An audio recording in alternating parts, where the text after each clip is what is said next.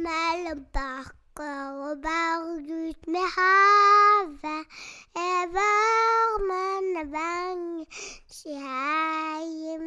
Velkommen til Mellom bakker og berg, en Strila-podkast. 1.1.2020 ble Hordaland og Sogn og Fjordane slått sammen til Vestland fylke. Vi kan like det eller ikke, men dette er et uunngåelig faktum.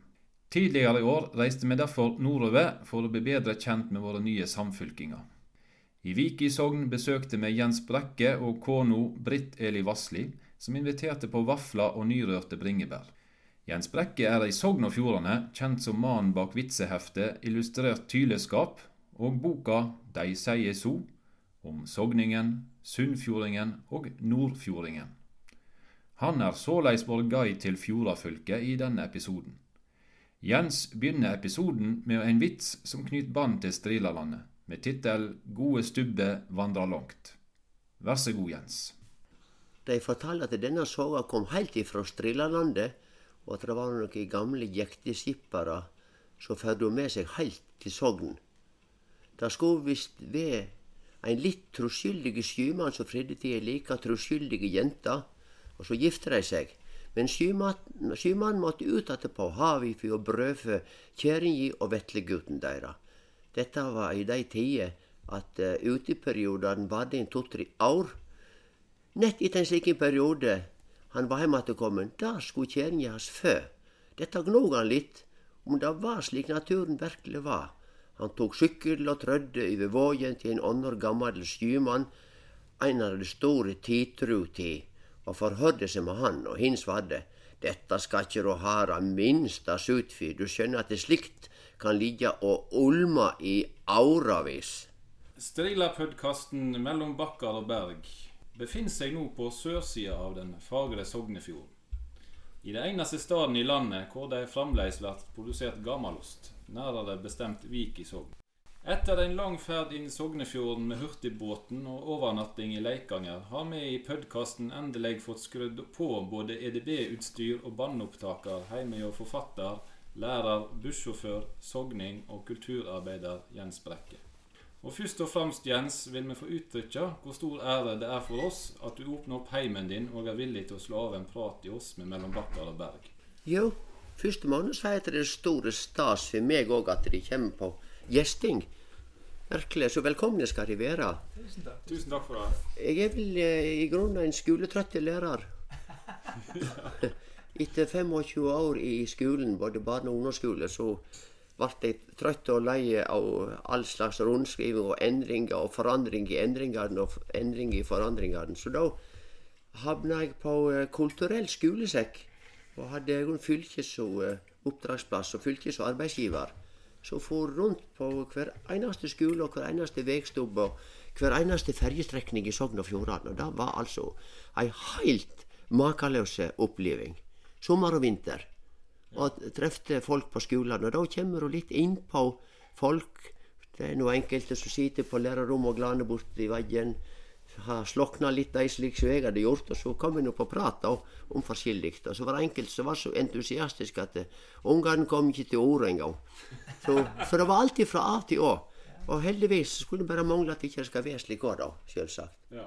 Men du, den, denne, denne reisingen rundt omkring i, i, fylket som gjorde at du fikk tilfanget av uh, historier og stubber? da? Nei, i grunnen ikke. Men, ja, eller både òg, får en si. For uh, dette med illustrert hylleskap det begynner i grunnen lenge før. Ja. Og da vil jeg fortelle òg om Det var en det, var et, det er et uttrykk som sier at det er gjennom motgang folk utvikler seg. Så sant så det ikke aldeles håpløse motgang, da. Så det var en, en gutt som satt i rullestol hele livet sitt fra han var født. Per Jonny Undi het han. Vanvittig kreative. Han døde han var 27 år, mener jeg det var. Og det var hans idé, illustrert kjøleskap. Så han tegna første årgangen. Skriv du, og så tegner jeg, sa, sa han. Og slik var det starta da i 96. Og den siste som tegna nå, det er han Ola Bremnes, han visesangeren. Han var her og lurte på hva i all verden dette der var for noe. Og så sa jeg da at eh, men nå er vi litt i beit for tegner. Ja, han tilbød seg. Og så var han tigna. Og nå hadde han ei utstilling i Harstad kulturhus der han hadde foredla en del av disse tigningene som han har i eh, illustrert tylleskap. Og da teller jeg så han har laga 197 illustrasjoner på disse åra. Så bare det er jo mye. Så tillegg lager han jo masse visetekster òg, selvsagt. Ja. Men jeg, tenkte tenkte òg eh, Kan du snakke litt om Vik? Ja.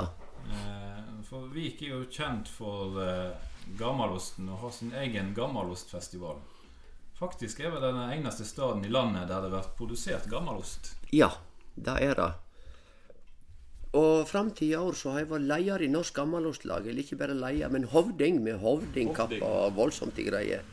Og vitsen med det, det var nå til å lage mest mulig liv og røre til mer spetakkel til, til bedre. For da blir det lagt merke til. Og poenget var at gammalosten gammelosten skulle bli lagt merke til. For at produksjonen har siget hele tida. Dalene i kurven peker ned mot bunnen. Det er nå et stykke igjen før vi når bunnen, men vi må prøve å få det her til å, å snu. Iallfall ikke at det raser fort ned. Så eh, siste året har det flata litt ut, og det er faktisk enkelte små bølger opp i våg. Og derfor er Gammelostfestivalen er for å profilere gammelost. Så er jo en eh, Ja, i forhold til norsk matkultur så er det jo høgverdige greier. Så Gammelostfestivalen er både for å profilere gammelosten og så for å profilere kulturen vår. da. Og dette er som regel i pinsehelga, slik at det er folk som har tilknytning til veikanten. De er født her, eller en ektemake her, eller en tante eller søskenbarn. Så kommer de som regel i pinsehelga. Så da er det stappfullt på campingplasser, og det er ekstra campingplasser for bobiler. Så da er det voldsomt i folkemylder her, da. Jeg pendler jo til Leikanger fra Sotra, så jeg kjører jo gjennom Vik eh, hver uke. Så jeg legger, jo, jeg legger jo godt merke til når det er festivalprogram. Ja. Det er jo umulig å unngå å se. Ja. Både bringevær og når det er gammelost. Ja. Ikke selger gammelosten eh, Hvor mye? Den, den selger til lands, vet en? Ja. Ja, det, de siste årene har det vært rundt om 50 tonn. Men på det meste så var det over 200 i produksjon. Så, så 50 tonn er jo ikke så mye. Et, et tonn i vika og for et helt land. Og så er det dette her med å få unge folk til å ete. Det er ikke hjelp i å frelse en gamling, veit du. For han har gjerne bare en ti år før seg, og så ikke han mer i hele tatt.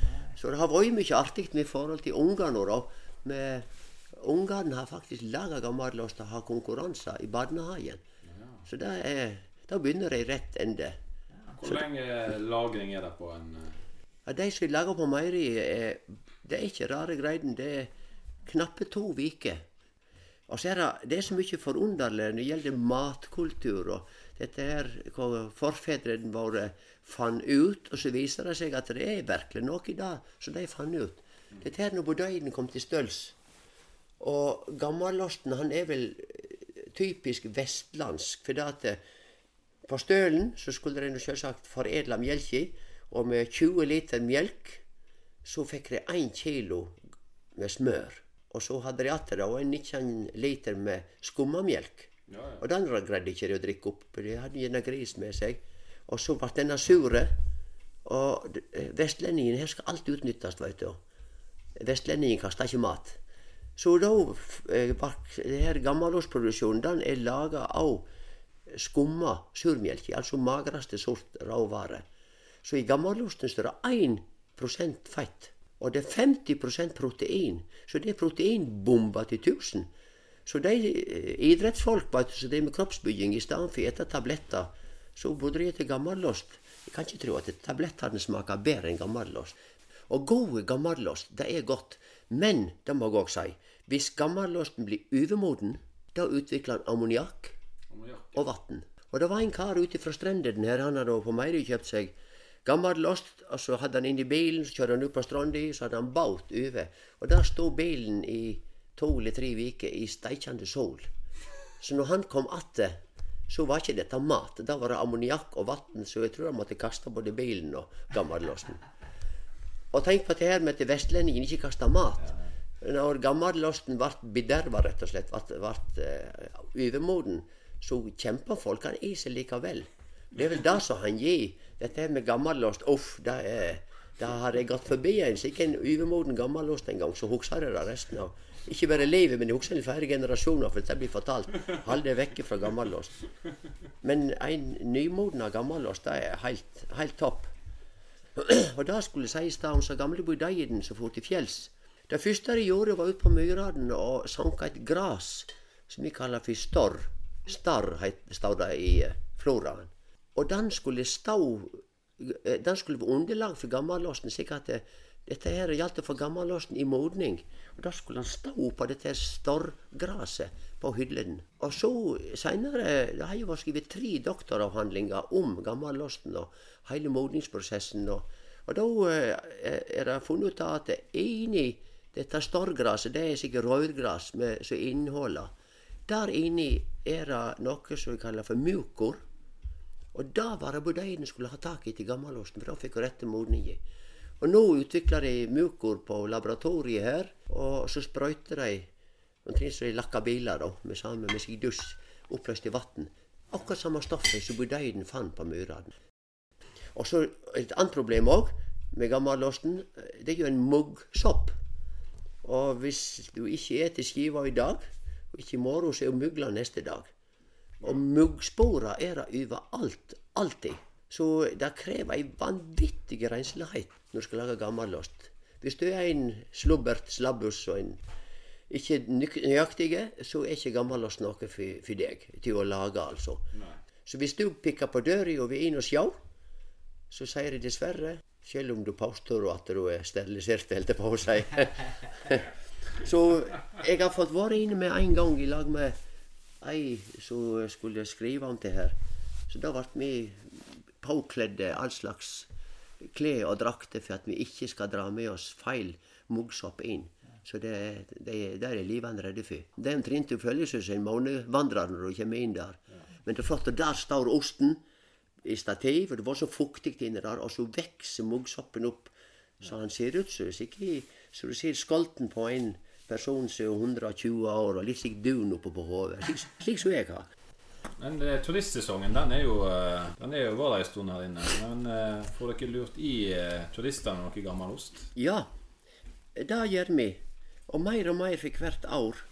Nå er det et opplegg som heter Go Fjords.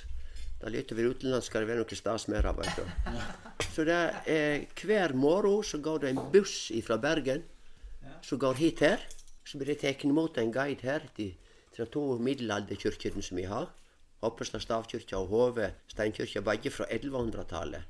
Og vi og de får rundt der, så er det eh, ekspressbåten fra Bergen hver morgen som går til Flåm. Han kommer her klokka kvart over elleve. Og da har guiden nett blitt eh, kvitt første gruppa.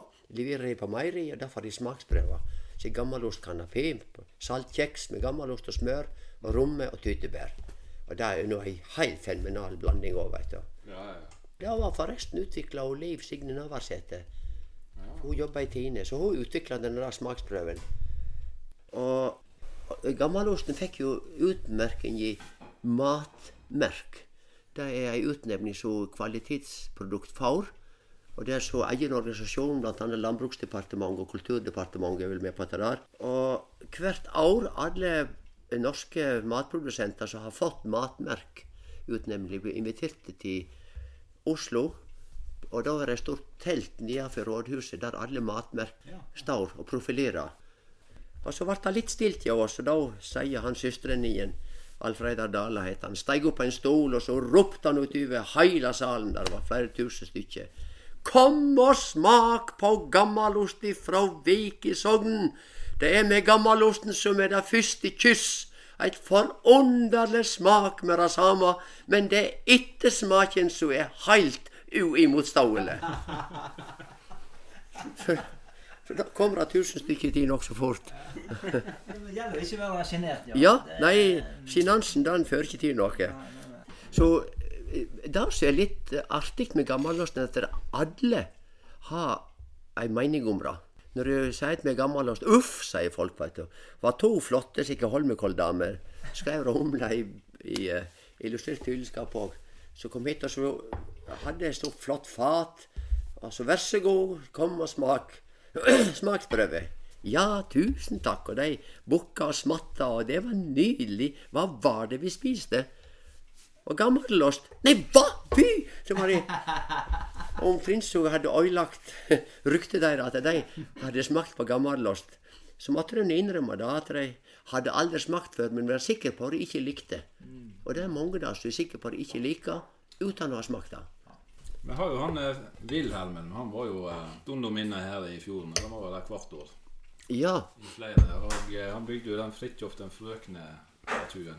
Ja, Som man faktisk har vært på norsk attraksjon òg, med Linda Eide. ja stemmer det. Men så du han eh, åt gammel ost? Det godeste Wilhelm? Ja, det må han regne med, hvis han i hele tatt smakte på det som var utenom båten. Han hadde en egen båt, han som het Håensholderen, og der bodde han. Og bestemor mi kom ifra Balestrand, så båten lå utenfor Balestrand om kveldene, og så høvde de på sjøen dagens boller for at de skulle ha ferske neste dag. Så da rodde folk ut og skulle ha boller til grisen, men han far mente nå at det gikk noe i folk. Litt skymat eller litt saltvann i bollene gjør ikke noe der. Inn i stekeovnen med han, så kom han seg. Men keiser Wilhelm, det var en forunderlig greie til det, at han kom her så mange ganger år etter år, og ble aldeles forlikte i denne Fridtjof-soga. Så antageligvis stammer helt fra 700-tallet, sier en del eksperter, ut ifra navnemota, for det har vært mota på navn før òg. Blant annet det to seidkorn i Fridtjofssoga. En heter Heid, og det er et vanlig navn i dag. Men det andre heter Hamglåma, et navn som er totalt vekke. Så jeg vet ikke hvem som har skjemt ut dette navnet. for Det har, aldri, ja, det har vel kanskje kommet men det er jo ikke, det er jo ikke nå. Og folk prøver jo å finne mange slags uvanlige navn, men Hamglåma har aldri kommet til. Så jeg regner med at Fridtjofssoga Fridtjofsoga har gått på folkemunne her fram til svartedauden, og daua med svartedauden, da. Og så ble han heldigvis oppskrevet på Island. Og så han svenske Elias Tegner, han skrev omsettet til svensk først, og gjorde visse frihet og illustrerte og skrev mange rim i tillegg. Så dette ble jo en sikken kioskvelter over hele Europa som hadde omsatt til mesteparten av de store europeiske språkene. Så det var den versjonen at han keiser Wilhelm fikk tak i. Og dette passet jo voldsomt inn i dette opplegget hans, vet du, med nordiske folk og flotte Ja. Det ble jo ikke så gale med han som det seinere ble, da, og det her med rasedyrking, men, men det begynner litt der. Så derfor kjøpte han en skulptur. Ja, og den flinkeste skulpturbyggeren i ja, antageligvis hele verden. Han heter Max Unger i Berlin. Keiser Wilhelm, du kan se han føre seg, kommer inn døra. Lag en viking til meg, så stor som mulig, uten at vinden blåser han ned. Og nå har han stått over 100 år, vinden har ikke blåst han ned. Men problemet var at Max Unger visste ikke hvordan en viking så ut. Så det er ikke en viking som står der. Det er en romersk soldat med saueskinn på ryggen. Så det var jo ei feil, feil gave til kong Haakon, for han var jo 1913 og fikk det der. Men drit i det. Han er stor og flott. Han ruva i fjorden. Han ruva, ja. Han er 12,5 meter oppå sokkelen, altså. Og så sokkelen er like høy. Så det er en 12-13 tonn med bronse. Så det ble ikke spart på noe. Så det er litt av en presang kong Haakon fikk. Ja. Og så hadde vi kongegjesting her i 2002. Harald og Sonja var her, og da var det selvsagt oppe på Fridtjof-parken. Da var han strigla og flott. Så da presenterte vi for kong Håkon, nei, for kong Harald, mener jeg, som er nå, at det var kong Håkon som fikk denne her i sin tid. Slik sett så er kong Harald odelsgutt til Fridtjofsparken. ja, Så han drog nå på fliren, både han og Sonja, da. Vik og nå, Vik er jo Dere, dere er ikke sjenerte, dere er frampå. Um, men dere er ikke så frampå. Dere blir ikke med på kommunesammenslåing med de andre. Dere velger å være alene. Ja. Har du vært engasjert i den saka òg? Jeg har ikke vært politisk engasjert, annet at jeg leser lokalaviser og kaver meg opp, og så er ikke noe særlig mer. Nei. Men Vår Herre har nok isolert oss såpass grundig at det, det er ikke noe naturlig frier, holdt jeg på å si. Nei, det finnes ikke noe sånt. Ja, vi har fjellet på ei side, og så har vi fjorden på hi. Så vi gir jo ikke opp med noe. Nei, nei. Og så ikke går det vei videre ut av kommunen langs fjorden til noen kant heller. Altså, dere er vanskelig å gifte vekk, dere, rett og slett. Ja, ja, vi er nok antagelig da. Ja. Vi blir mye en ungkar gående her og babba i gummistøvler. Nei, ved fjorden har nå Det holder på si Det er nå fjorden som gjør at vi bor her. Det er den gamle ferdselsveien. Så det er de siste 50 åra at eh, fjorden har blitt i veien for oss. Men etter hvert så ferjene går radigere og radigere, og oftere og oftere, så blir jo fjorden et mindre hinder. Men jeg får aldri håpe at de bygger bru over Sognafjorden. Hvorfor ikke det? Nei, det tar litt møydommen av han, tykker jeg. Han eh, er stor og flott, og han skal være stor. Skal du over fjorden, så må du finne deg i å fare med båt. Men er det, er det noen forskjell mellom målet i Vik versus Sogndal, Leikanger? Eh, Eller er det mye likt? Det er mye likt. Og Ballstrand òg. Men når du kommer utover, så eh, Høyanger eksempel, Hvis du ser på kartet, de sier har jo A-form. Og i Stølsheimen, da kommer vi i, i eh, Høyanger kommune. Der er det noen elver som begynner her i Vik kommune. Og da står det elvi. Og det renner over fylkesgrensa, nei ikke fylkesgrensa, men kommunegrensa, så ble det elva. Samme elva. At du skifter navn på veien, altså. Ja. Så den grensa er voldsomt tydelig her ute. Men innover er nokså uh, nokså ensarta. Og da han uh, Eilert Sundt for rundt der for 150 år siden, så ble han så forundra over eh, hvor vilt og gale det var her i Sogn. Blant annet så var det så kolossalt med løsunger. Og det hadde med å gjøre at unger, eller tjenestefolket ble hysa på fjordslemmen. Gutter og jenter i lag. og når det ble mørkt, da, veit du, så var jo alle like fine. Så eh, her var det var 63 prosti i landet vårt. Og det verste med løsunger, det var her. Altså Midtre og Indre Indre Sogn. Og på Lista på Sørlandet, det var de mest sømmelige. På Sørlandet. Ja, men her var det helt gale. ja og eh, Sogndal fostra opp Gjess Jess Bårdsen. Ja, flott representant. Han er jo første kjendisen vår, han, veit du. Det er ikke noen nordmann vi veit så mye om fra 1800-tallet som Gjest Bårdsen. Han er den mest dokumenterte nordmannen. Ja. Ikke kongen vår veit vi så mye om. Nei. Og det er fordi at eh, de har fulgt han gjennom rettsprotokoller. Jeg hadde snakk om at det var noen få måneder i livet som ikke visste hvor han var. Men ellers er han fra dag til dag. Og hans eh, evne var jo å holde overklassen til tøyl. Og det var han en mester i. Han Gjest Bårdsen, da kan vi nesten lage et eget program, tror jeg. Men han har fascinert meg voldsomt mye. Og det kom jo en biografi om han. Og så har han jo skrevet bøker sjøl, 'Levnedsløp', der han framholder seg sjøl som en stor helt og en løgner av Guds nåde. Ja, nettopp. Ja. Ja, så han, han, har vært, han har vært både dyktig og ironisk, og, og selvsagt tjuv og kjeltring òg. Men helt utrolig til skrue. Og hadde nå i samband med 200-årsjubileum for eh, grunnlaget på Eidsvoll, da var det en båt som gikk fra Bergen inn til Lærdal. En en samme sorten båt som gikk for 200 år siden. Så de rodde. Representantene skulle til Eidsvoll. Og da hadde de skrevet i 1814 at de skildra et sogn i rent forfall. Det var stod voldsomt dårlig til. Hus og klesbunad var voldsomt dårlig. Og det var dårlig blant de som var fattige, og overklassen de tok til seg voldsomt av, av rikdommen. da. Så det var kolossal klasseforskjell. Og dette vokste Jesper Aasen opp i. Og han gjorde nå sitt for å bryte ned dette klasseskiljet. da. Så jeg snakket med en kommunepolitiker inne i Sogndal. Han kom med en spennende idé. Var det slik at Gjest Bårdsen på den måten bana venstresida for norsk politikk? Med at han brøt ned respekten for den eksisterende politikken. Det var jo høyrepolitikk. Ja, ja. Og eh, respekten for overmakt og overklasse, den, den ble jo latterliggjort. Gjest Bårdsen greide å latterliggjøre disse store. Josby Tue, historiker fra Balstrand, diskuterte dette der med han.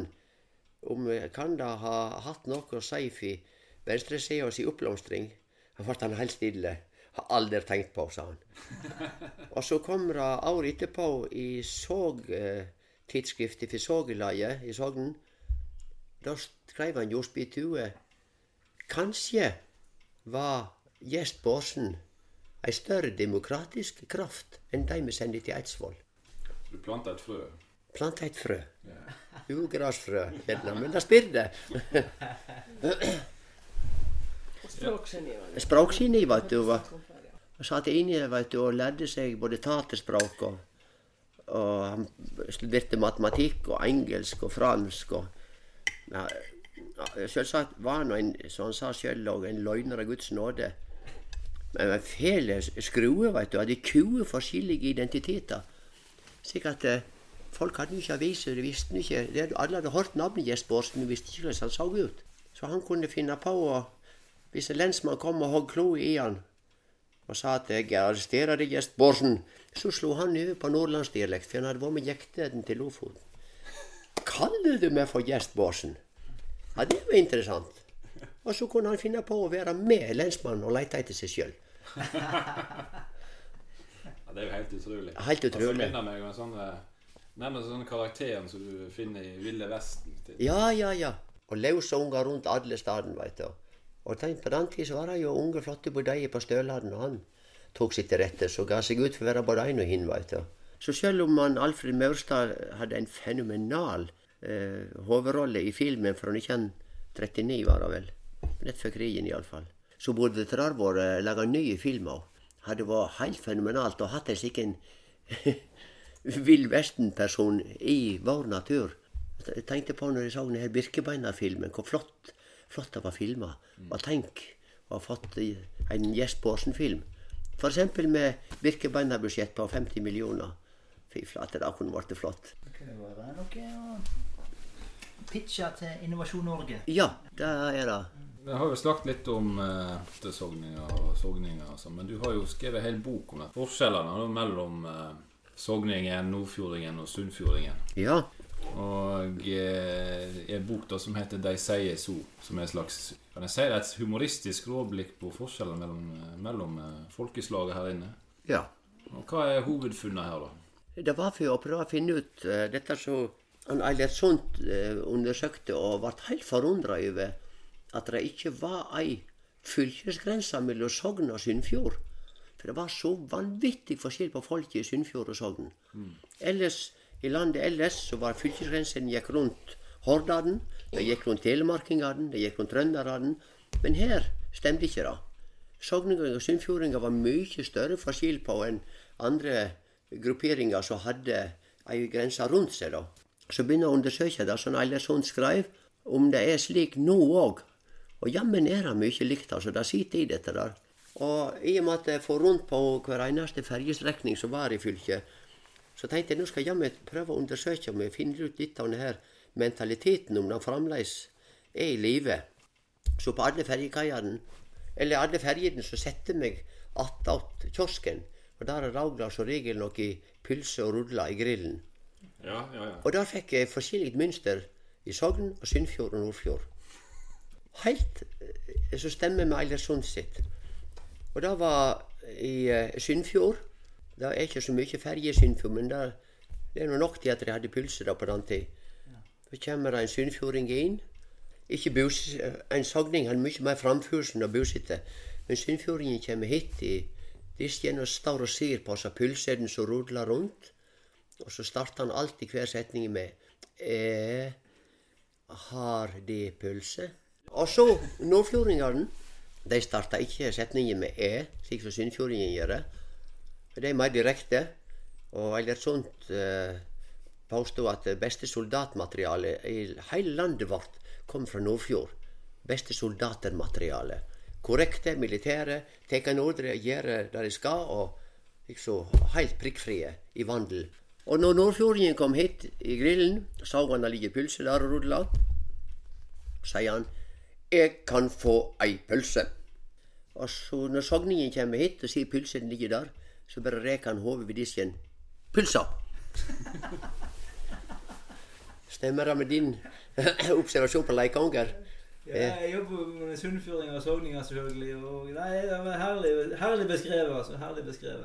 Og så va- vasa det seg en og annen bokmålsfører inni det her òg. Og så oppdaga jeg det var et biprodukt. Eh, Deres måte å uttrykke seg på. Og de har lett, lett for å ha 'jeg' i hver setning. Og som i første og siste setningen òg. Det er voldsomt sjølsentrerte, da. Og så da står de og sier på pølsa 'Jeg kan få en pølse, jeg'. Så det var pølseteorien. Så jeg mener at eh, det har ikke forandra seg så mye. Men de sier jo det at uh, sunnføringen han lyter vel ete først. Det det- Han må alltid ete først, ja. Ja. Det snakket om en som datt gjennom Jølstravatnet og laga gaute. To store så på han og mente at de måtte nå hjelpe han. Men selvsagt måtte de nå ete først. Renner seg ikke til. Men det er For dette her er ikke bare gamle klisjeer og typer. Det her er Ja, det var jo det jeg skulle prøve å stadfeste her, da. Ja. Derfor var det artig at jeg, at jeg fikk såpass tydelig mønster på pulseteorien. Jeg så òg i ene førordet til ene heftet så var det en snakk om en sånn dørtest. Du kan plassere, ja, du kan plassere de foran ei dør. Det ja, stemmer. Sogning og en sunnfjording og en nordfjording. En test. Og da er, gir du beskjed der er ei stengd dør. Kommer deg inn fortest mulig. Og Sunnfjordingen han går bort og kjenner på døra, og kjenner at hun er lest. Så da slår han seg til ro med at han kommer seg ikke inn. Nordfjordingen går bort og kjenner på døra at hun har lest. Og så finner han en kleshanger og tid å lirke og få opp låsen. Det er liksom nordfjordingen sin måte å løse det på. Og sogningen han kjenner ikke om døra er lest i hele tatt. Han bare høyer tvert igjennom. Kanskje døra var oppi.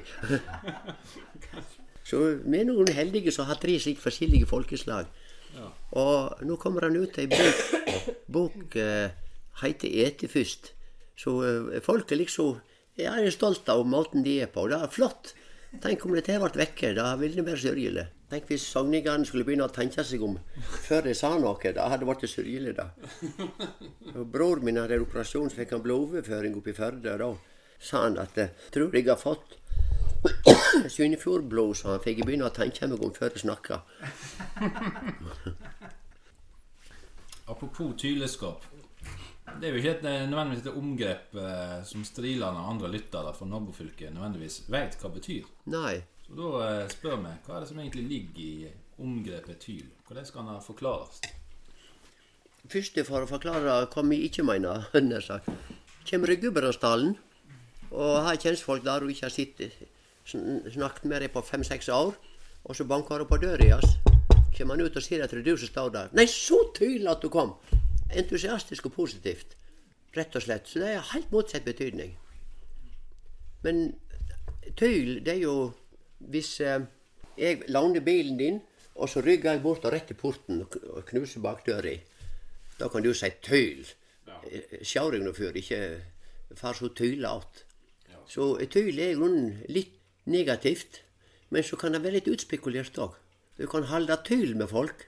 Gjør sporsen holdt overklassen til tøyl. Ja. Og da var det for så vidt positivt for, for eh, de som ikke hadde til overklassen, da. For jeg sa jo at han eh, Folger og Tokam har jo ut en bok med det samme navnet. Tyl, Ja, stemmer det. En roman. Og Ja. de definerer det som vestnorsk skjellsord. Dum, naiv mannsperson. Som Ja. også ble brukt vennskapelig i tyinga intelligent tosk. Ja, stemmer Det en eh, dobbelthet. Ja da. Moras Folger, ja, hun kom jo her fra Vik. Og han Finn Tokvam er jo fra, fra Flåm. Ja. Så det har han nok. Så dette stemmer var god definisjon, da. Det, det som de sier på engelsk 'practical joke'. Ja. Det vil noe i Sogn kaller for tyleskap. Mm. Ja. Finner på fanteri. Fanteri, ja. Og gjerne i samband med frieri òg, hvis noen er på frierferd. Så er det litt spennende å eh, finne på et eller annet. Jekke bilen oppå, slik at når han skal kjøre hjem igjen om natta, så står hjulene løs av lufta. Og en plass hørte jeg at de hadde En som kom syklende, så hadde de lagt ned flaggstanga og trett sykkelen innpå og røst opp etter flaggstanga. Det går an, når det er mange. Men alene så har ikke du noen sjanse. Så han kom ut etter oss, så var flaggstanga midt i ene sykkelen. Så det, det er tydelig-skap. Det er tyleskap. Ja. Nei, og på tydelighetsskapens grunn så ville, ville du bygge et tids, tidsskrift. Ja. En årlig tradisjon. Jammen med illustrasjoner. Men det var du egentlig innpå, så det var Det var han eh, kjenningen Ja, Per Jonny, så hans idé i starten, han som satt i rullestol hele livet sitt, ja. Og han var både var så kreativ og vanvittig energisk. Og så leser jeg ut fra førordet til eh, første årgang fra 96 at meninga bak heftet var å på en måte sette pris på den gode replikken og humøret og måten sogninga er på. Så stubbene er jo jamvel skrevet på sognamål. Så da er spørsmålet mitt Hva er en av målsetningene her for å skrive ned disse historiene for å bevare for ettertid? Ja, at det kjente historier, eller så det, Kan vi da si, kalle deg for en slags Sognefjordens Asbjørnsen og Mo i en og samme person? Eller bedre kanskje Tyleskapens Ivar Aasen? ja. Jeg har voldsom sans både for Asbjørnsen og Mo og Ivar Aasen. Og det gjorde en fenomenal jobb. Og, og litt av baktanken her òg, det er jo selvsagt å vare på dialekten. Men hvis det er det som er skrevet på dialekt Du får jo mye lavere lesefart. Så skal du få folk til å lese dialekt, så må det være noe spennende som står der. Enten humor eller erotikk, f.eks. Og da, da kjemper folk seg gjennom, for da får de rosiner når de kommer til endes. Og før det første nummeret så er det Andreas Bjørkum professor på Universitetet i Oslo. Så snakket med han om det her. Kom, sa han. Så jeg fikk sitte med han i flere dager. Det, jeg følte meg omtrent som her på folkeskolen som har problemer med å, å, å, lese og skrive. Det får en lærer for seg selv på et annet rom. Jeg fikk en professor for meg selv på universitetet. Og det var dette her med normer for dialektrettskriving. For at hvis du skriver lydskrift så, så er ikke alle fagfolk som greier å lese det. Og jeg er ikke fagfolk, så jeg greier ikke å lese det. For eksempel, ta bare ordet beil. Vi har en liten B-I-I-L. Altså en bil du kjører med. Soli. S-O-L. Altså en liten E og en I. Altså på lydskrift skal disse små lydene være med. For Da er det et helt håpløst ordbilde som vanlige folk greier ikke å lese. Og poenget var at dette skulle være for vanlige folk. Og han eh, språkprofessoren han sa du skal skrive nok N-Å for eh, Åsa, og så K-K. Men så, hvis det står N-O-K, slik skriver på nynorsk, så sier folk nok. Jeg oppnår ikke noe mer om det står N-Å-K-K. Så enkelte ord er viktige å få fram. Eh, hvis uttalen er eksempel, det var ein gang. Vi sier A-I-N. Dette som i måneden mai, M-A-I. Så for å få eh, ta vare på denne I-lyden, da, så kan det være poeng å skrive det var ein A-I-N gang. For da oppnår jeg at uh, folk leser ei. Ja, for det har jo, en, det har nesten en slags egen effekt. For du, historiene i seg sjøl er jo gode, men det, ja. det er på dialekt det gjør at det får en, ofte en, eh, et nytt gir, nærmest. Sånn at det, det er akkurat, det han gjør. Og så eh, er det på en måte for en sterkere identitet. Det er på en måte vårt. Og for et par år siden så ringte det ei dame fra Oslo. Og så fortalte hun at hun hadde vært gift med en sogning. Og han bror til mannen hennes hadde sendt illustrert tylskap til henne hvert år. Men så døde mannen hennes, og han broren til mannen han fortsatte å sende. Og så sa hun jeg forstår ingen verdens ting. Men, sa hun, og så rent ved en feiltakelse, så begynte hun å lese høyt til seg sjøl. Da gikk det inn øra. Da skjønte det, da hadde hun mannen sin.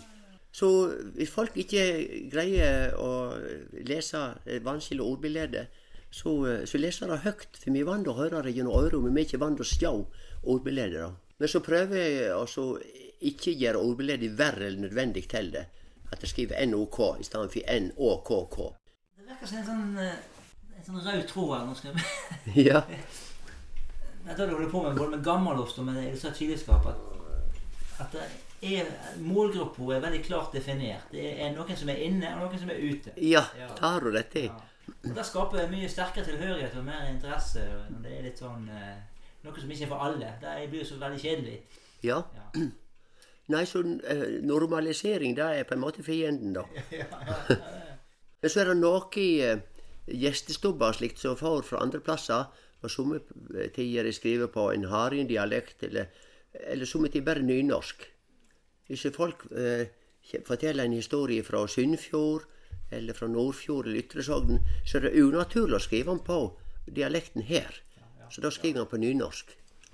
Da blir det litt forfalskning. Og, Ja. ja, mm. Jeg skal ikke, jeg skal ikke dra det inn til hvert område der som ikke har tid, på en måte.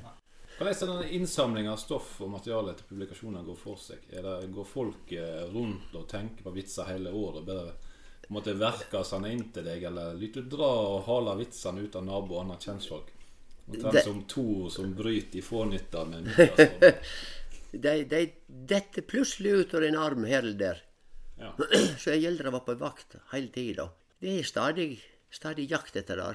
Og, men etter hvert nå det siste året jeg har hatt eh, en del gjestestubber, slik at folk er klar over at, eh, at jeg tar vare på historier. da da skriver òg hvem som er gjesten, og hvem som forteller det. Litt sammeleis som eh, i folkemusikken. At det skal spille en slått etter Myllargutten i form etter Knut Buen, f.eks. At du krediterer de som har lært deg dette. der. Og Da er det poenget at det står navn på de som har kommet med stubben òg. At det er de som får æra for det. Og så får de kontant oppgjør. Jeg klyper med hefte for det. Har du noen døme for hefteserien som du eh, kommer på i farten, som kan trekke fram? Slik som dette, dette ut der og da. Jeg tenker på historia. Ja, historie. Ja, nå var jeg nett på kappel, fylkes... Nei, ikke fylkes, men landskappleik Vågå. Da traff jeg Arne Sølberg fra Nordfjord. Han har nå alltid et eller annet løye å fortelle. Så fortalte han om en som hadde vært i Breim med sykkel, altså over Utvikfjellet og ned til Utviket. Bratt og svingete, og dette var nett etter krigen, slik at eh, bremser og reservedeler det var, fantes jo ikke, veit du. Så han hadde med seg ei øks, hogg ei fjella bjørk og hengte bakom til slåe ned i svingene. Og dette strikka nett passelig, da, men bjørka ble jo au, og mer og mer augnegi etter hvert, slik at eh, farten auka på litt nedi gjennom. Men han mente han hadde såpass kontroll. Men så en ting han ikke berekna, det var at det kom et gravferdsfylje helt neste i eh, Utvik. Og full av fart hadde ikke sjanse å stoppe seg, så han måtte bare svinge ut på sida og skjønte forbi det på utsida og bort til Flataren og greide å stoppe seg. Og pusta ut og så bakom seg, og da skulle han knyte løs i bjørka, for det er ikke bruk lenger. Da var det kom ei sløyfe som hang fast i bjørka. Hvil i fred. Hvordan har det endra seg, dette heftet? Altså, det, det, du gir opp ut under juletid, ikke det? Ja, i november vanligvis. I Hvordan eh, ser du noen endringer fra første utgave til nå? Ja, eh, gjestestubbaden særlig. Det vil si at jeg trenger ikke å, å at, gi stubbene ut som mine. For at eh, folk sender gjestestubber. Det er, det var så flott, for, og da blir det litt bredere spektrum på det òg. Så, så gjestestubba da har vokst mer og mer. Og nå, her i sommer, så ringte det en kar. Han har vært ordfører på Leikanger, kanskje hun kjenner han, han Kjell Helleland. Var ordfører i mange år der inne. Artige skruer, fulle historier. Og han hadde skrevet ned masse, så han hadde tenkt å gi ut bok, men det ble ikke, trodde han. Så hvis jeg ville ha hele klypa av oss, så skulle jeg få henne. Så var han forbi og hadde henne på postkassen, vi var ikke hjemme. Så der har en voldsom oase.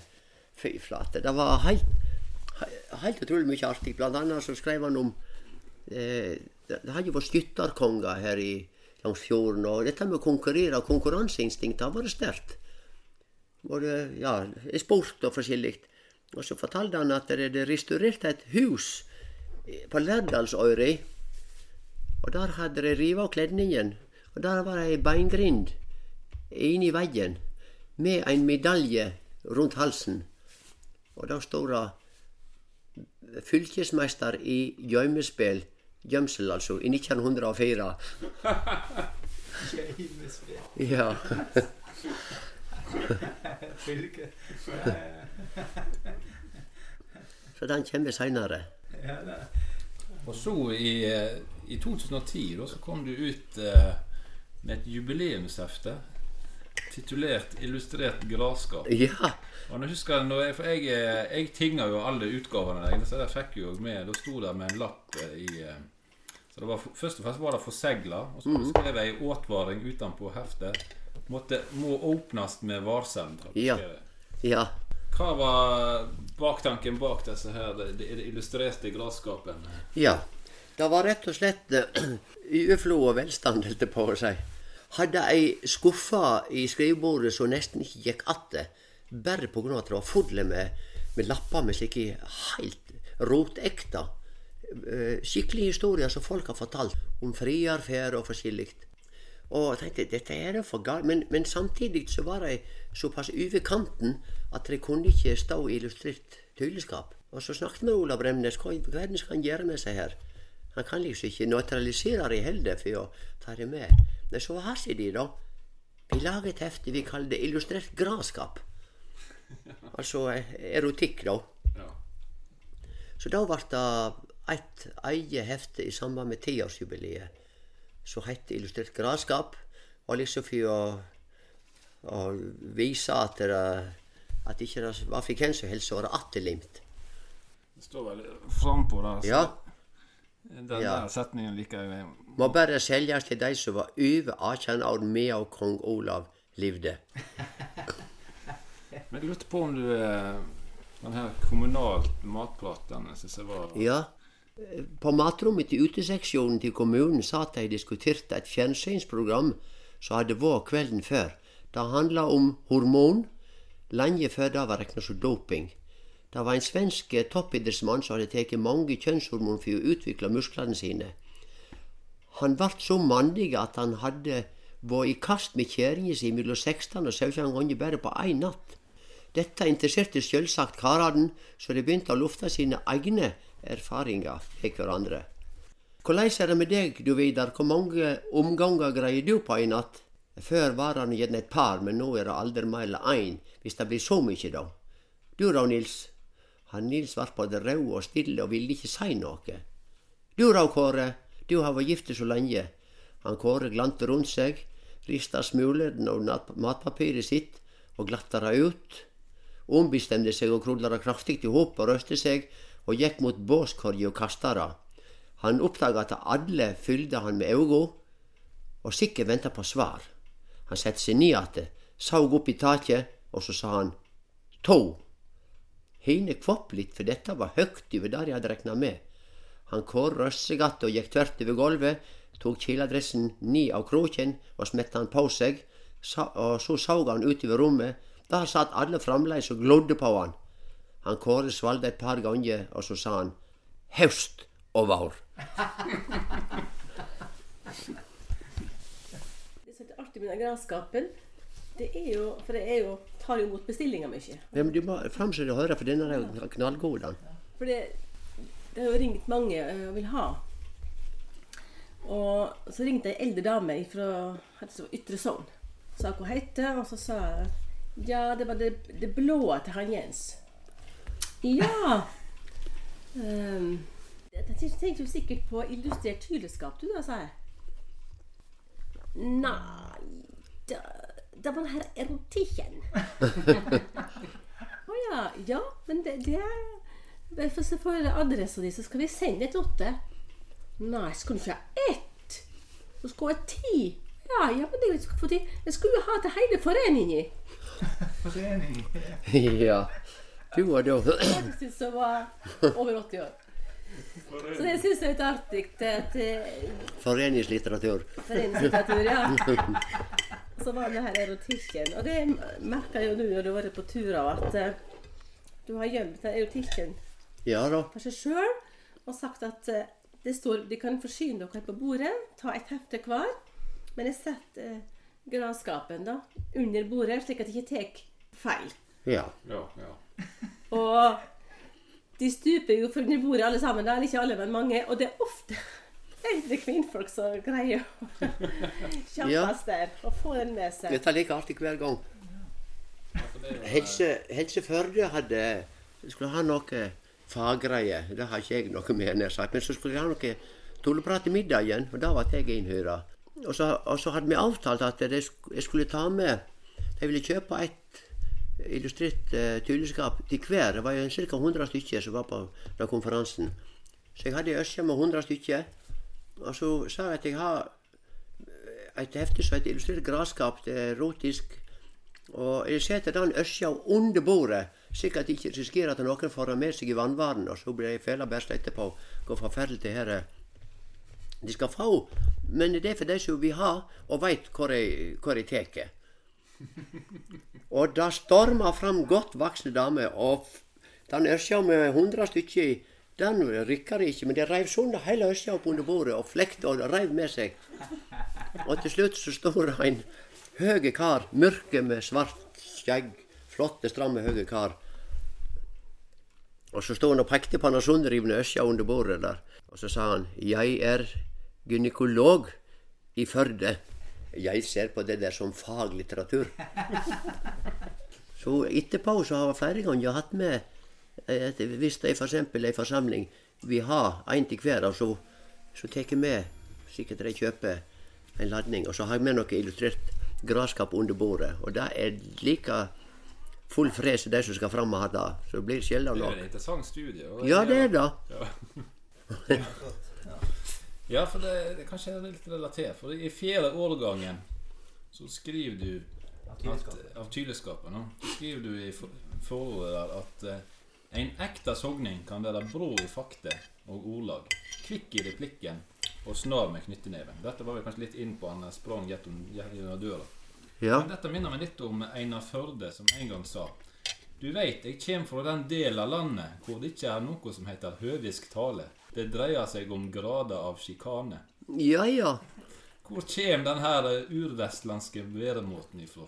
Ja, Den helt eminente ev- evna til å levere fra seg slike bytende og syrlige og Ja. treffende replikker. Men, mm. Er det noen forklaring på det? En parallell. Eh, en som var her, kona hans var fra Sandnessjøen, så var det oppe eh, til familien hennes om sommeren. Så var det flott soldag, han sto på brygga. Så så han at det kom en båt roende, og han som ror, sitter selvsagt med ryggen til.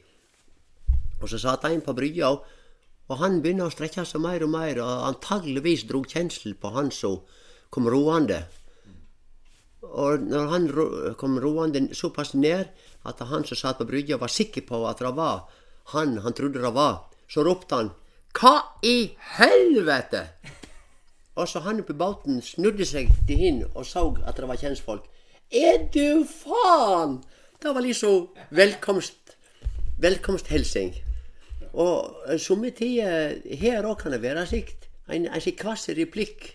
Ikke for å Og selv om disse to fra nord da bante, hvis de ikke hadde skjønt, så hadde de trodd det var bitre fiender. Men dette var jo skikkelig kamerater, var derfor de helste slik.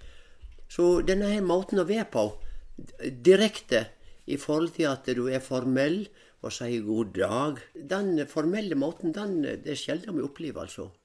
Mor mi kom ifra Østfold, så jeg er halv østlending. Hun hadde den formelle måten. Så hun kom inn til folk, så god dag og helste, og presenterte seg tydelig med navn.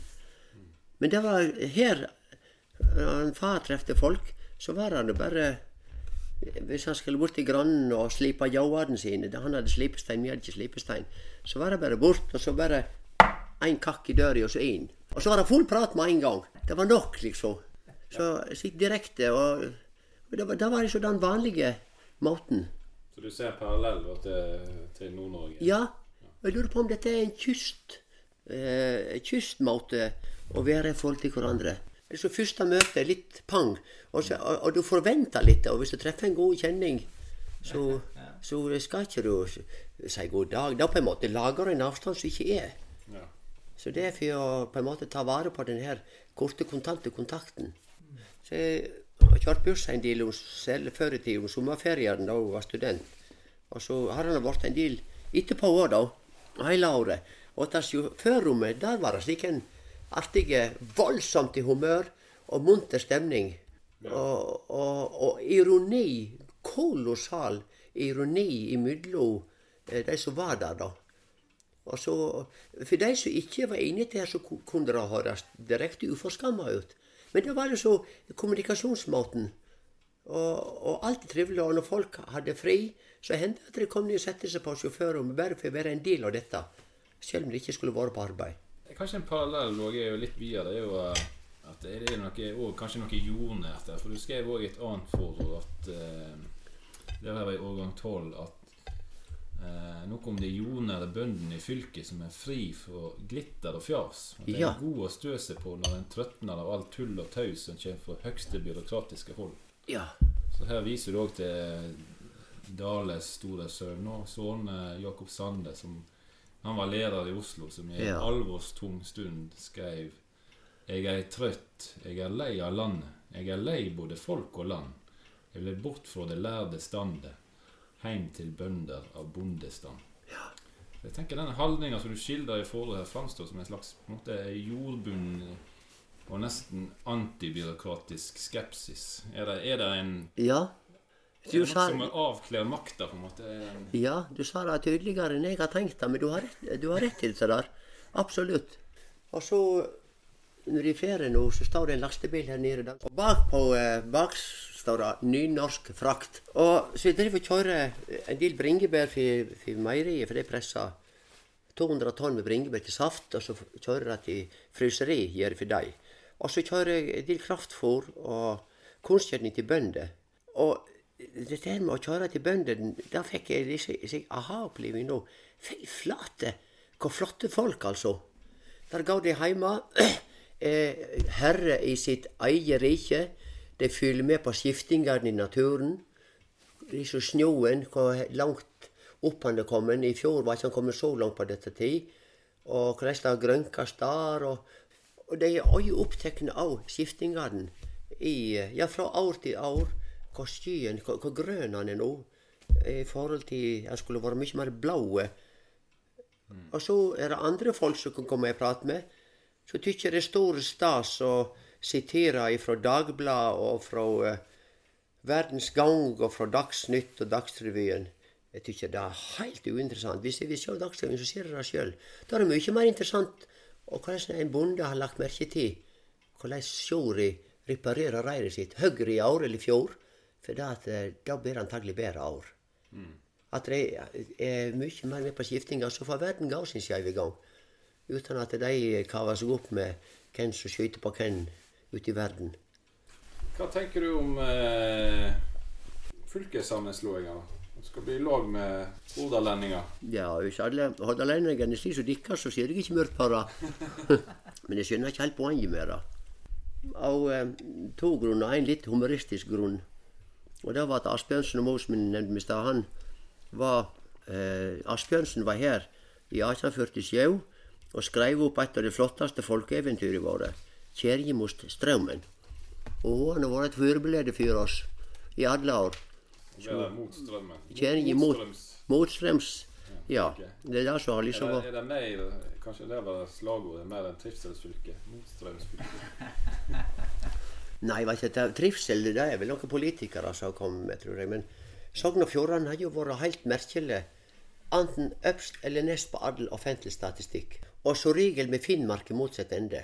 Så eh, husker han Ottarvik Han laga mye flotte viser. Fikk han oppdraget fra NRK for de skulle lage et program eh, om eh, offentlig statistikk. Der Sogn og Fjordane og Finnmark. Så var det samsending mellom Sogn og Fjordane og Finnmark. Så han lagde statistikkvisa til den der var bestilling til dette radioprogrammet. Og så hvorfor er Sogn og Fjordane enten øverst eller nest? Vi øverst, vi har lengst levealder. Vi har laveste blodtrykk. Og vi tjener minst. Vi har mest penger i banken. Vi lager minst bås. Konene våre er mestfødende. Det er noen kvinner som får så mye unger som de som i Sogn og Fjordane. Og i Finnmark der er det motsatt. Så det her er Det er for galt ikke å nøytralisere eh, Sogn og Fjordane. Nå koker vi inn i kålen. Kommer vi i med Bergen, så regner vi med at alle statistikk blir utjevna. Hordaland er nå rett nok, men å få Bergen i lag med Akkurat det syns jeg ikke er så spennende. Vet ikke hvordan de ser på det. Nei, altså jeg Nå bor jeg der sjøl, men Så det er jo en veldig dominerende by. Sant? For Sogn og Fjordane har aldri hatt Altså Du har litt mindre byer, sånn som Førde og Florø. Men du har Ja. aldri hatt den her st st- storbyen, sånn som Så Bergens Uva er veldig eh, Ja, det gjør jo det. i, i, i Hordaland. da. Og Bergens- liksom helt inn til, Voss og Hardanger som på en måte føler at du er på en Ja. At Bergen ikke på en måte Dominerer, ja. ja. Han Kjell Aukrust sa noe fenomenalt. Det stilleste som finst, det er en bergenser som ikke sier noe. Nei, for det det skal en del, både sogninger og hordalendinger, til å naturalisere en bergenser. Ja, jeg tenkte vi skulle dra tråden da vi starta. Vi starta med hvem du var. og sant, Du nevnte jo forskrift og rundskriv. Ja. Og, og, og eh, du som meg eh, og mange andre og de som lytter på, har jo f.eks. kjørt for fort. Ja. Ja. Og hvordan gikk det med deg? Fikk bot Ja. på bokmål i Sogn og Fjordane. Det hadde les, lest meg av i 103. Jeg skulle nå ferja. Og så trekker jeg fra sikkerhetsmarginen. da, sikkert til. Jeg fikk iallfall 800 kroner i bot. Dette er nå 30 år siden. Også på bokmål. Nett her nede. Mot Vangsnes, ja. Ja, ja. Om jeg ville vite eller vedtok ikke. Og så skrev jeg på jeg vedtar under forutsetning at jeg får skjema på nynorsk. Ja, det fantes det ikke. Det var før du kom i 1990, ja. Ja, på 80-tallet, så det er en god stund siden. Ha ei slik klype med papir. Det gikk nok i år, for dette gikk i mål. Så var, da var du ennå lærer, da? ja, Ja. Mm. så var en advokat i Arne Gjeraker, så han ringte og tilbød jeg, jeg skal jammen hjelpe deg, sa han, for det der er jeg interessert i å bli i orden på. ja. Og hadde ikke han stilt opp, så, så hadde ikke hadde aldri kommet i mål med det der. For da mm, Justisdepartementet var nå én ting, men så er Kulturdepartementet som syter for at mållova ble holden. Slik at det var på en måte to departementer å kjempe ned da, før det ga seg. Men de ville ikke gi seg, vet du. Så det var mange runder att og fram. og jeg ble trua med melde at jeg, hvis ikke betalte innen den datoen, ble jeg satt i fengsel og alt. Så det var, var mye, mye liv og røre underveis.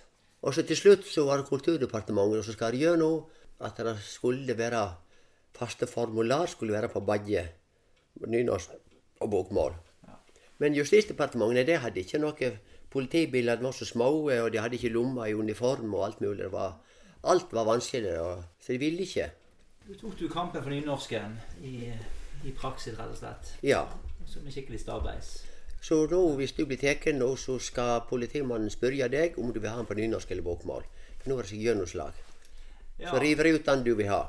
Og jeg pendler jo, jeg kjører jo en, eh, en del tusen kilometer i året. Ja. Du, Siste du året- må jo teste, du, Kenneth. Ja, jeg, jeg tester det faktisk. Jeg har jo dømme. Jeg ble stoppa på Vakstad her. Det er en 60-sone på Vakstad. Å ja. Utotunnelen. Ja, ute til tunnelen? Jeg òg. Ja, 3002 fikk jeg. ja det var, det var, jeg hadde vel litt mer på meg, da. Ja. Men det første han spurte om, eh, var jo at Han spurte jo om jeg skulle ha den på ny- nynorsk eller bokmål. Ja. Så det, Ja, ja. da Da hun er ikke verst etter å ha. det, det var ikke funnet til den kampen der. Nei, han var nok ikke det. Da. Så, eh, så den har jeg jo, den kan jeg jo ramme inn nesten. Ja. Ja. Det skal jeg spørre om, da. Det er noen måneder siden, da. Rett og slett. Da Ja. har du en klar relasjon, så kan du se ei glede i bota. Ja, ja, ja. Det var den eneste glede da. Ja. Da fikk du testa det ut i praksis. Ja, riktig, riktig. Men, men da eh, et, et, døme som er litt eh, Bare noen år siden, da er jo Det var nok eh, du, du brente bord? Ja. Ja. Her borte. ja. Du ser det vokser ikke tre der. ja. Yngstemann var konfirmant. Nå er han 20 år. ja. 600 år. Ja. Ja, og så siden vi har høner, så hadde vi noen papirsekker, kraftfôrsekker, som var utdrittende med hønseskitt. Hønsedritt er det mest klistrete som fins. Så tenkte jeg jeg kan ikke ha det der oppi båsdunken og sende den dritten ut alt som er. Så rigna det litt, og så for bort der og sette eld på det. Og så kommer ei vindråse og bles helt dritten til himmels, vet du. Og landa på en forskjellige ti-tolv plasser og brann så søren. Og bles noe vanvittig, så jeg måtte på paling hit og måtte bare ringe til brannvesenet for hjelp. Brannvesenet kom og sløkte, og det brann kloss oppi huset her, veit du. Husveggen. Så vi kunne blitt husløse. Og, og brann kosta ikke noe. Brannbilen kommer gratis, han. Men så uh, fant politiet ut at jeg skulle få bot 7000 kroner for brudd på brann- og eksplosjonsvernlov. Kom fra Florø på reinspikka bokmål. Og så sender jeg tilbake at dette er helt greit, jeg vedtatt at det er jeg som setter på elden, det er ikke noen andre skulder på. Men dette skal selvsagt være på nynorsk, et nynorskfylke. Har jeg ikke noe slag, så kommer det fra Statens innkrevingssentral i Mo i Rana krav om eh, så og så mye penger. Og så kommer det nytt krav, ekstra gebyr pga. at jeg ikke hadde betalt. Så jeg skrev at eh, jeg venta på svaret fra politiet. Og de svarte ikke i hele tatt. Ole Torp tok det opp i fjernsynet, blant annet. Ja. Og lurte på om ikke jeg var klar over at jeg hadde gjort noe galt. Jo visst, jeg er klar over at jeg hadde gjort noe galt. Jeg kunne blitt husløs òg, sa jeg. Men politiet har gjort noe galt. De har for det første sendt meg på bokmål i et nynorskfylke. Og for andre så unnlater de å svare meg. Da forbryter de forvaltningsloven òg. Eller bryter forvaltningsloven. Så nå har de gjort to lovbrudd, og jeg har gjort ett. Så de lider på meg med ett lovbrudd. Så gikk det en stund, da, og så fikk jeg brev fra Mo i Rana at eh, de hadde fått innblikk i saken, slik at disse her ekstragebyr pga. ikke-betaling de faller vekk. Så var det datt ned igjen på 7000 da. Og så omsider kom det brev fra Florø. Beklager at de hadde hatt så mye annet å gjøre, så dette var liksom ikke prioritert oppgave. Så fikk jeg det på nynorsk, da. Til slutt der òg, ja. Til slutt der òg. Du skal jo være ganske sta og utholdende. Ja. minst, og- Ja da. Ja, for å holde på. Ja. Men du har jo òg en parallell med denne nettbuss. eh, Ja, ja, ja. Så det var sånn i Sogn Avis om en eh, genser. Ja, jeg kjører for deg, står det på, på armen. Ja. Og så var det Vi fikk uniformer, da. Og slike gensere. Og så var det riturøsja hvis det ikke passte. ja. Ja, ja, dette passer ikke, veit du. Så jeg pakka i hop att genseren og skrev at teksten passet ikke, men størrelsen var grei. Alt er heilt stilt. Og så fikk nå avisa klar eh, nyttårsnytta der, og så ble det et oppslag der. Og så hadde jeg en god en, for at eh, Nettbuss overtok etter Sogn Bilag, var Sogn Bilag det het før. Og så ble det gravøl på Sogn Bilag. Så det var ei stor feiring, alle som hadde vært, var samla. Og da kommer det en kar og sa at jeg vært tillitsmann. Og han har vært på et tillitsmannsmøte i Nettbuss. Og de hadde avdeling i Sverige og i Danmark og Norge. Og så De måtte ha dansk tekst, de måtte ha svensk tekst på armen, og norsk tekst. Men ikke bare det var det en av disse her høye herrene i Nettbuss. Det var til og med en djevel bort på, Østland, nei, bort på Vestlandet som ville ha det på nynorsk. Så det ble nå altfor gale. Så nå hadde de tatt vekk all tekst. Så nå står ikke det noe noen plass. Men da vi snakker om å slå i hop Hordaland og Sogn og Fjordane, da håper jeg at nynorsken blir iallfall styrkt. Nå da, at, vi, at dette blir skikkelig kjerneområde for nynorsk, og at det er selvsagt at det er slik det skal være på nynorsk. Men uh, vi har et standardspørsmål som jeg stiller, da. Og det er jo uh, Har du noen uh, lokale uttrykk, dialektord, som du eh, vil framheve, trekke fram, eh, som eh, du setter stor pris på? Ja. Vi har et budlekurre. Budlekorre. Budlekurre, ja. Eh, Det kommer seg av om våren, når jeg slipper sauene ut på gråen, så er de helt ville for, for gras. Så de gir seg drit i lambene sine. Så det er et lambi går og breker på én plass, og så går mor og gneger på en annen plass. Og når lambi breker intenst bæ, bæ, Og så mor da på en annen plass med kjeften full i gras. Liksom bare gir ikke signal tilbakesatte. Og sau, det liksom, eller kurre, sier vi om sau, da. Men så har du kjeften full i mat, så blir det noe bodlete i pratet, veit du. Så bodlekurre, det er en slik en som Så bruker man gjerne om politikere òg, da, som er litt eh, Det tar litt for mange ord i munnen samtidig, så det blir bare et buddel. Så bodlekurre, da er, da er du utydelig i uttrykksmåten. Ja. Det kan eh, ha både en, eh, en betydning og en eh, overført Ja. Og selv den overførte tykker jeg er flott. Ja, det kan jeg være enig i. Ja. Men Et annet ord jeg har kommet over, som i masse heftene, det er uttrykket 'kaldig'. Kaldig, ja. Ja. Ja, forsterking. Vi har eller både øye Øye hett. Ja. Ja, og kaldikt hett. Kaldighet. Ja. Det er forsterket. Det er eh, altså at Som er veldig eller, Ja. ja. Og det tror jeg er nokså lokalt her. For jeg treffer, treffer sogninger som bor andre plasser. Så jeg bruker nå ofte kalddikt. Nei, dette ordet har jeg ikke hørt på lenge. Og særlig kalddikt. Britt Eli, kona mi, hun eh, er kjøle. Det kan bli. Mor mi kom fra Østfold. Der hadde de ille. Så hun kunne få ei kake som var ille deilig. Hva de har til Heise. heise, ja. Heise, ja. Ja, Heise godt. Ja heise godt, ja. Eller godt har de det, med ø. Ja, hvis du, eh, dra på litt. Ja. hvis du drar på litt. Ja. Stø, støvende, så. Vi Ja, støvende ja. Jeg hadde en fenomenal ikke med dette å gjøre. Han Ivar Medås har sett voldsomt stor pris på. Fy flate fin skru, altså. Og dette her med å omsette alt i strillamål og norsk, amerikanske slagere og alt mulig, og så med vanvittig overdose av sjølironi oppi alt sammen. Så siste år han levde, så ringte jeg og sa at eh, jeg trefte kjerringa hans. Jeg setter så voldsom pris på den innsatsen han har gjort for dialektbruk og og, og, og norsk på utenlandske viser også, og nynorsk selvsagt. Hadde det vært råd å komme bort og fått bare tatt han i hånda og takke han for innsatsen? Ja, bare kom, sa kjerringa. Og bort og besøkte han. Fy flate til oppleving det var. Så da satt han i rullestol oppe i Alversund der. Punkterte rute, veit du. Så han så ikke ut, stakkar.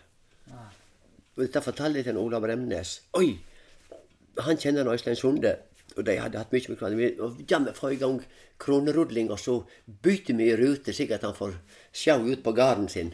Men så døde han før vi fikk soppfjør, så vi kom ikke i mål med det. da. Kan du avslutte med Per Sivle? For jeg vet jo at du er en kjenner og formidler av Per Sivle. Så hva er det med denne dikteren du eh, kikker så mye om? beint fram og ærlig. Det, det er det som er Han er altså så, så beint fram. Det er ikke nokså innpakka. Du trenger ikke lure på hva han mener. Og det hadde vel sikkert med å gjøre livet hans. Mori fødte jo tre tvillingpar. Altså tre tvillingfødsler. Og han Per var den førstefødte i første fødselen. Og han ble lagd vekk. De trodde ikke det var liv i han. Og siden den andre ble født da, i første fødselen, altså andre tvillingen, så regna de med at eh, han var død, og det var han. Og så som jordmor tok tak i den første, så var han Per. Og ga seg ikke, og greide å få han til å dra pusten. Og så hadde mor i to tvillingfødsler til etterpå. Og så døde hun i barselseng etter den siste. Så eh, seks gutter fødte hun, og det var bare han Per var liv i. Så han gikk jo hele livet til lurte på hvorfor han skulle leve, og fem brødre skulle bli nigrevne på kirkegården på Oppheim. Så han har sikkert kjent på kroppen både ilt og godt. Og så opplevde han òg, i og med at han vokste opp i tre forskjellige fosterheimer, for far hans var fehandler og kunne ikke ha en jotunge med seg til fjells, du. Så, og nå for vi fedrift over til Østlandet. Så han vokste opp i tre forskjellige fosterheimer, og alle plasser så opplevde han Per at folk stoppa opp i arbeidet sitt og med stor glede fortalte hvorfor et fantastisk menneske mor hans var. Og han Per var bare to og et halvt år når mora døde. Så han husket ikke hvordan hun så ut engang. Slik at eh, det gode har han fått fortalt, at eh, mora var et helt ualminnelig hjertegodt menneske. Og så har han opplevd så mye ilt, slik at han har hele spennvidda av eh, opplevelser. Og så hadde han mange gode fortellere rundt seg. Og nå til dags veit du, så kan jo ikke folk si noe, for de forstyrrer fjernsynet.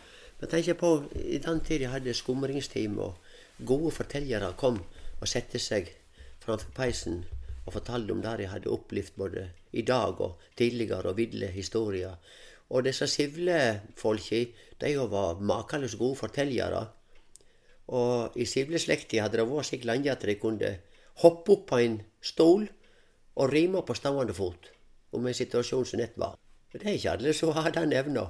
Så han har fått en vanvittig arv, selvsagt, hjemmefra, og så et drivende miljø. Og så gluping attityd sjøl, da. Og da veit jeg flere snakket om i samtida hans at eh, siden han var forfatter, så spør jeg har du skrevet noe. Nei, jeg har kort en dag har skrevet. Så han brukte mye tid på å destillere det for det enda mer kompakt. Og tenker på eh, slik som bare en hund og Fante Nils, så har han ei vanvittig skildring, og så tårner det seg opp mot det som absolutt ikke må skje, og så sier det som ikke skal skje, bom stopp. Der står punktum. Ikke noen forklaring etterpå. Så Derfor husker vi det. For da sitter leseren igjen med alle spørsmål. Jeg tror ikke jeg kjenner til det sjøl, men det er en del av altså, Vossastubbene? Ja. Det det er Vossastubba og Soger. Og Sogeren der er blant annet Fanta-Nils og bare en hund. Og så Vossastubbaen, der er disse her som skriver på gammel Vossa-dialekt med der er det humor som er drivkraftig. Og det er en Kolbein Hausa som er, er nesten gjennomgangsfiguren og hovedpersonen i alle Vossastubbene. Så det er han det handler om, da. Men den tanta Nilsstova, hun står på Stalheim, på museet der oppe. Så det er også oppe en gang det var en Einar Midtun het han. Han las fra Fantanils i denne stova der. Fy flate. Det er et lite hus med to glassruter, og så var det to sekker som sto i, for det var ikke det var knust. Og Der bodde han Fantanils aleine. For foreldre ble regna som tatere, ble jagde. Og så ble han værende igjen. og livberga seg med å sette snare og selge rype. Så, så det han Per Skilder skildrer en, en slik sørgelig lagna at det, også når han sto inne i dette huset der som han bodde, så kjenner kjenne gufsen Det var Fy flate, det var sterkt. Og det er musikk med dikt, mye av diktingen til Sivle. Det, det, det treffer noe i av oss. Ja, jeg tenker bare på det mest kjente. altså Du har jo Lerka og den første sang, og begge sang jo farmor ja. til meg da jeg var mindre. Ja da. Sånn som du husker det. Ja. Det, er kraftige saker. Og den første sang det er faktisk et ungdomsverk. Og da han var konfirmert, så ble han sendt til Sogndal på Folkehøgskolen. Og der var han i to år. Og der begynner han å skrive litt Eh, på den, det som skulle bli den første sang. Og det var òg det første han skrev på nynorsk, for han hadde jo dansk opplæring på skolen, han. Men Vassastubban, der er altså humoren som er, er den vanvittige drivkraften. Og der hadde han en Der som Tvindefossen er, vet du, vi nærmer oss Voss. På motsatt side bodde det en kar som het Johannes Leidal. Og han var en slik en storforteller. Og når ikke sannheten i rock, så laug han attåt.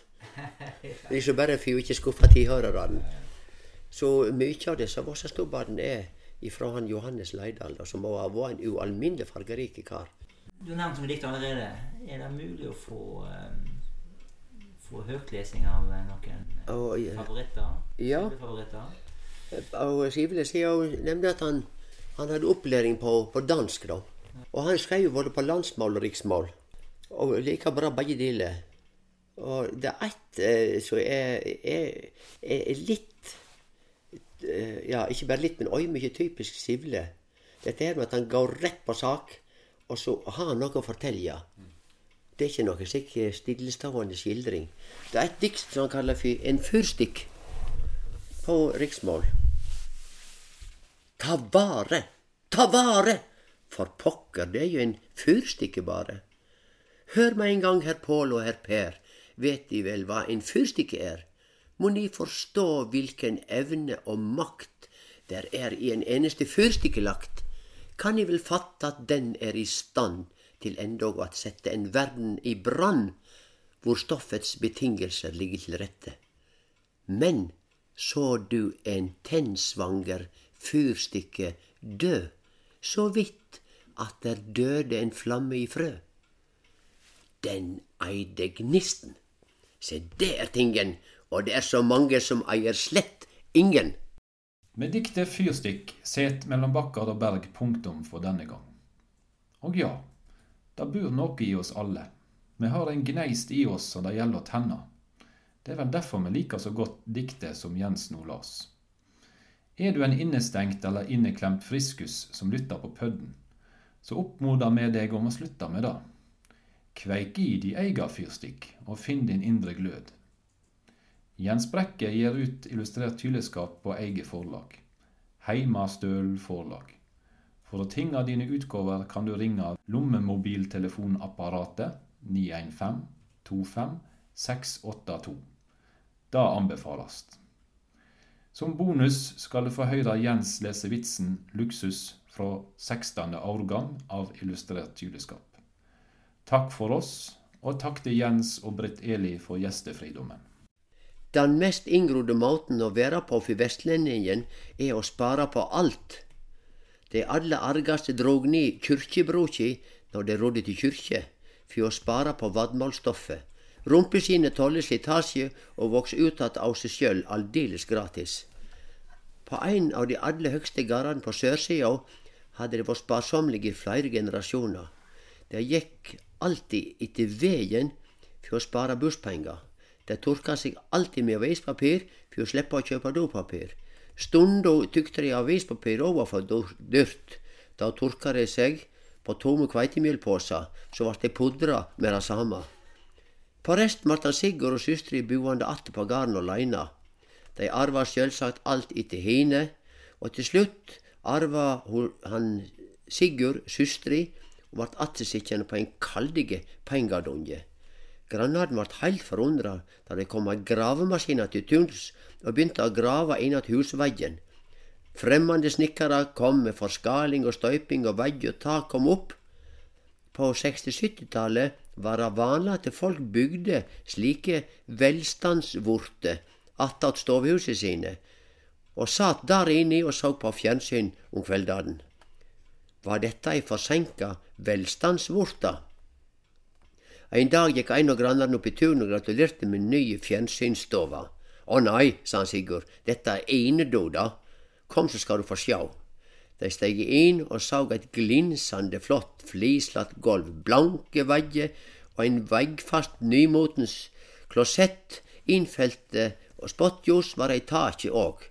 Grannen kommenterte hvor flott det var, og at det måtte være godt å slippe å gå ut på utedoet bakom fjosen om vintrene. Å nei, sa han Sigurd, jeg bruker bare utedo, jeg. Dette rommet her er altfor dyrt til å drite i. mellom bakker og berg ut med havet er varmen vang. Kjære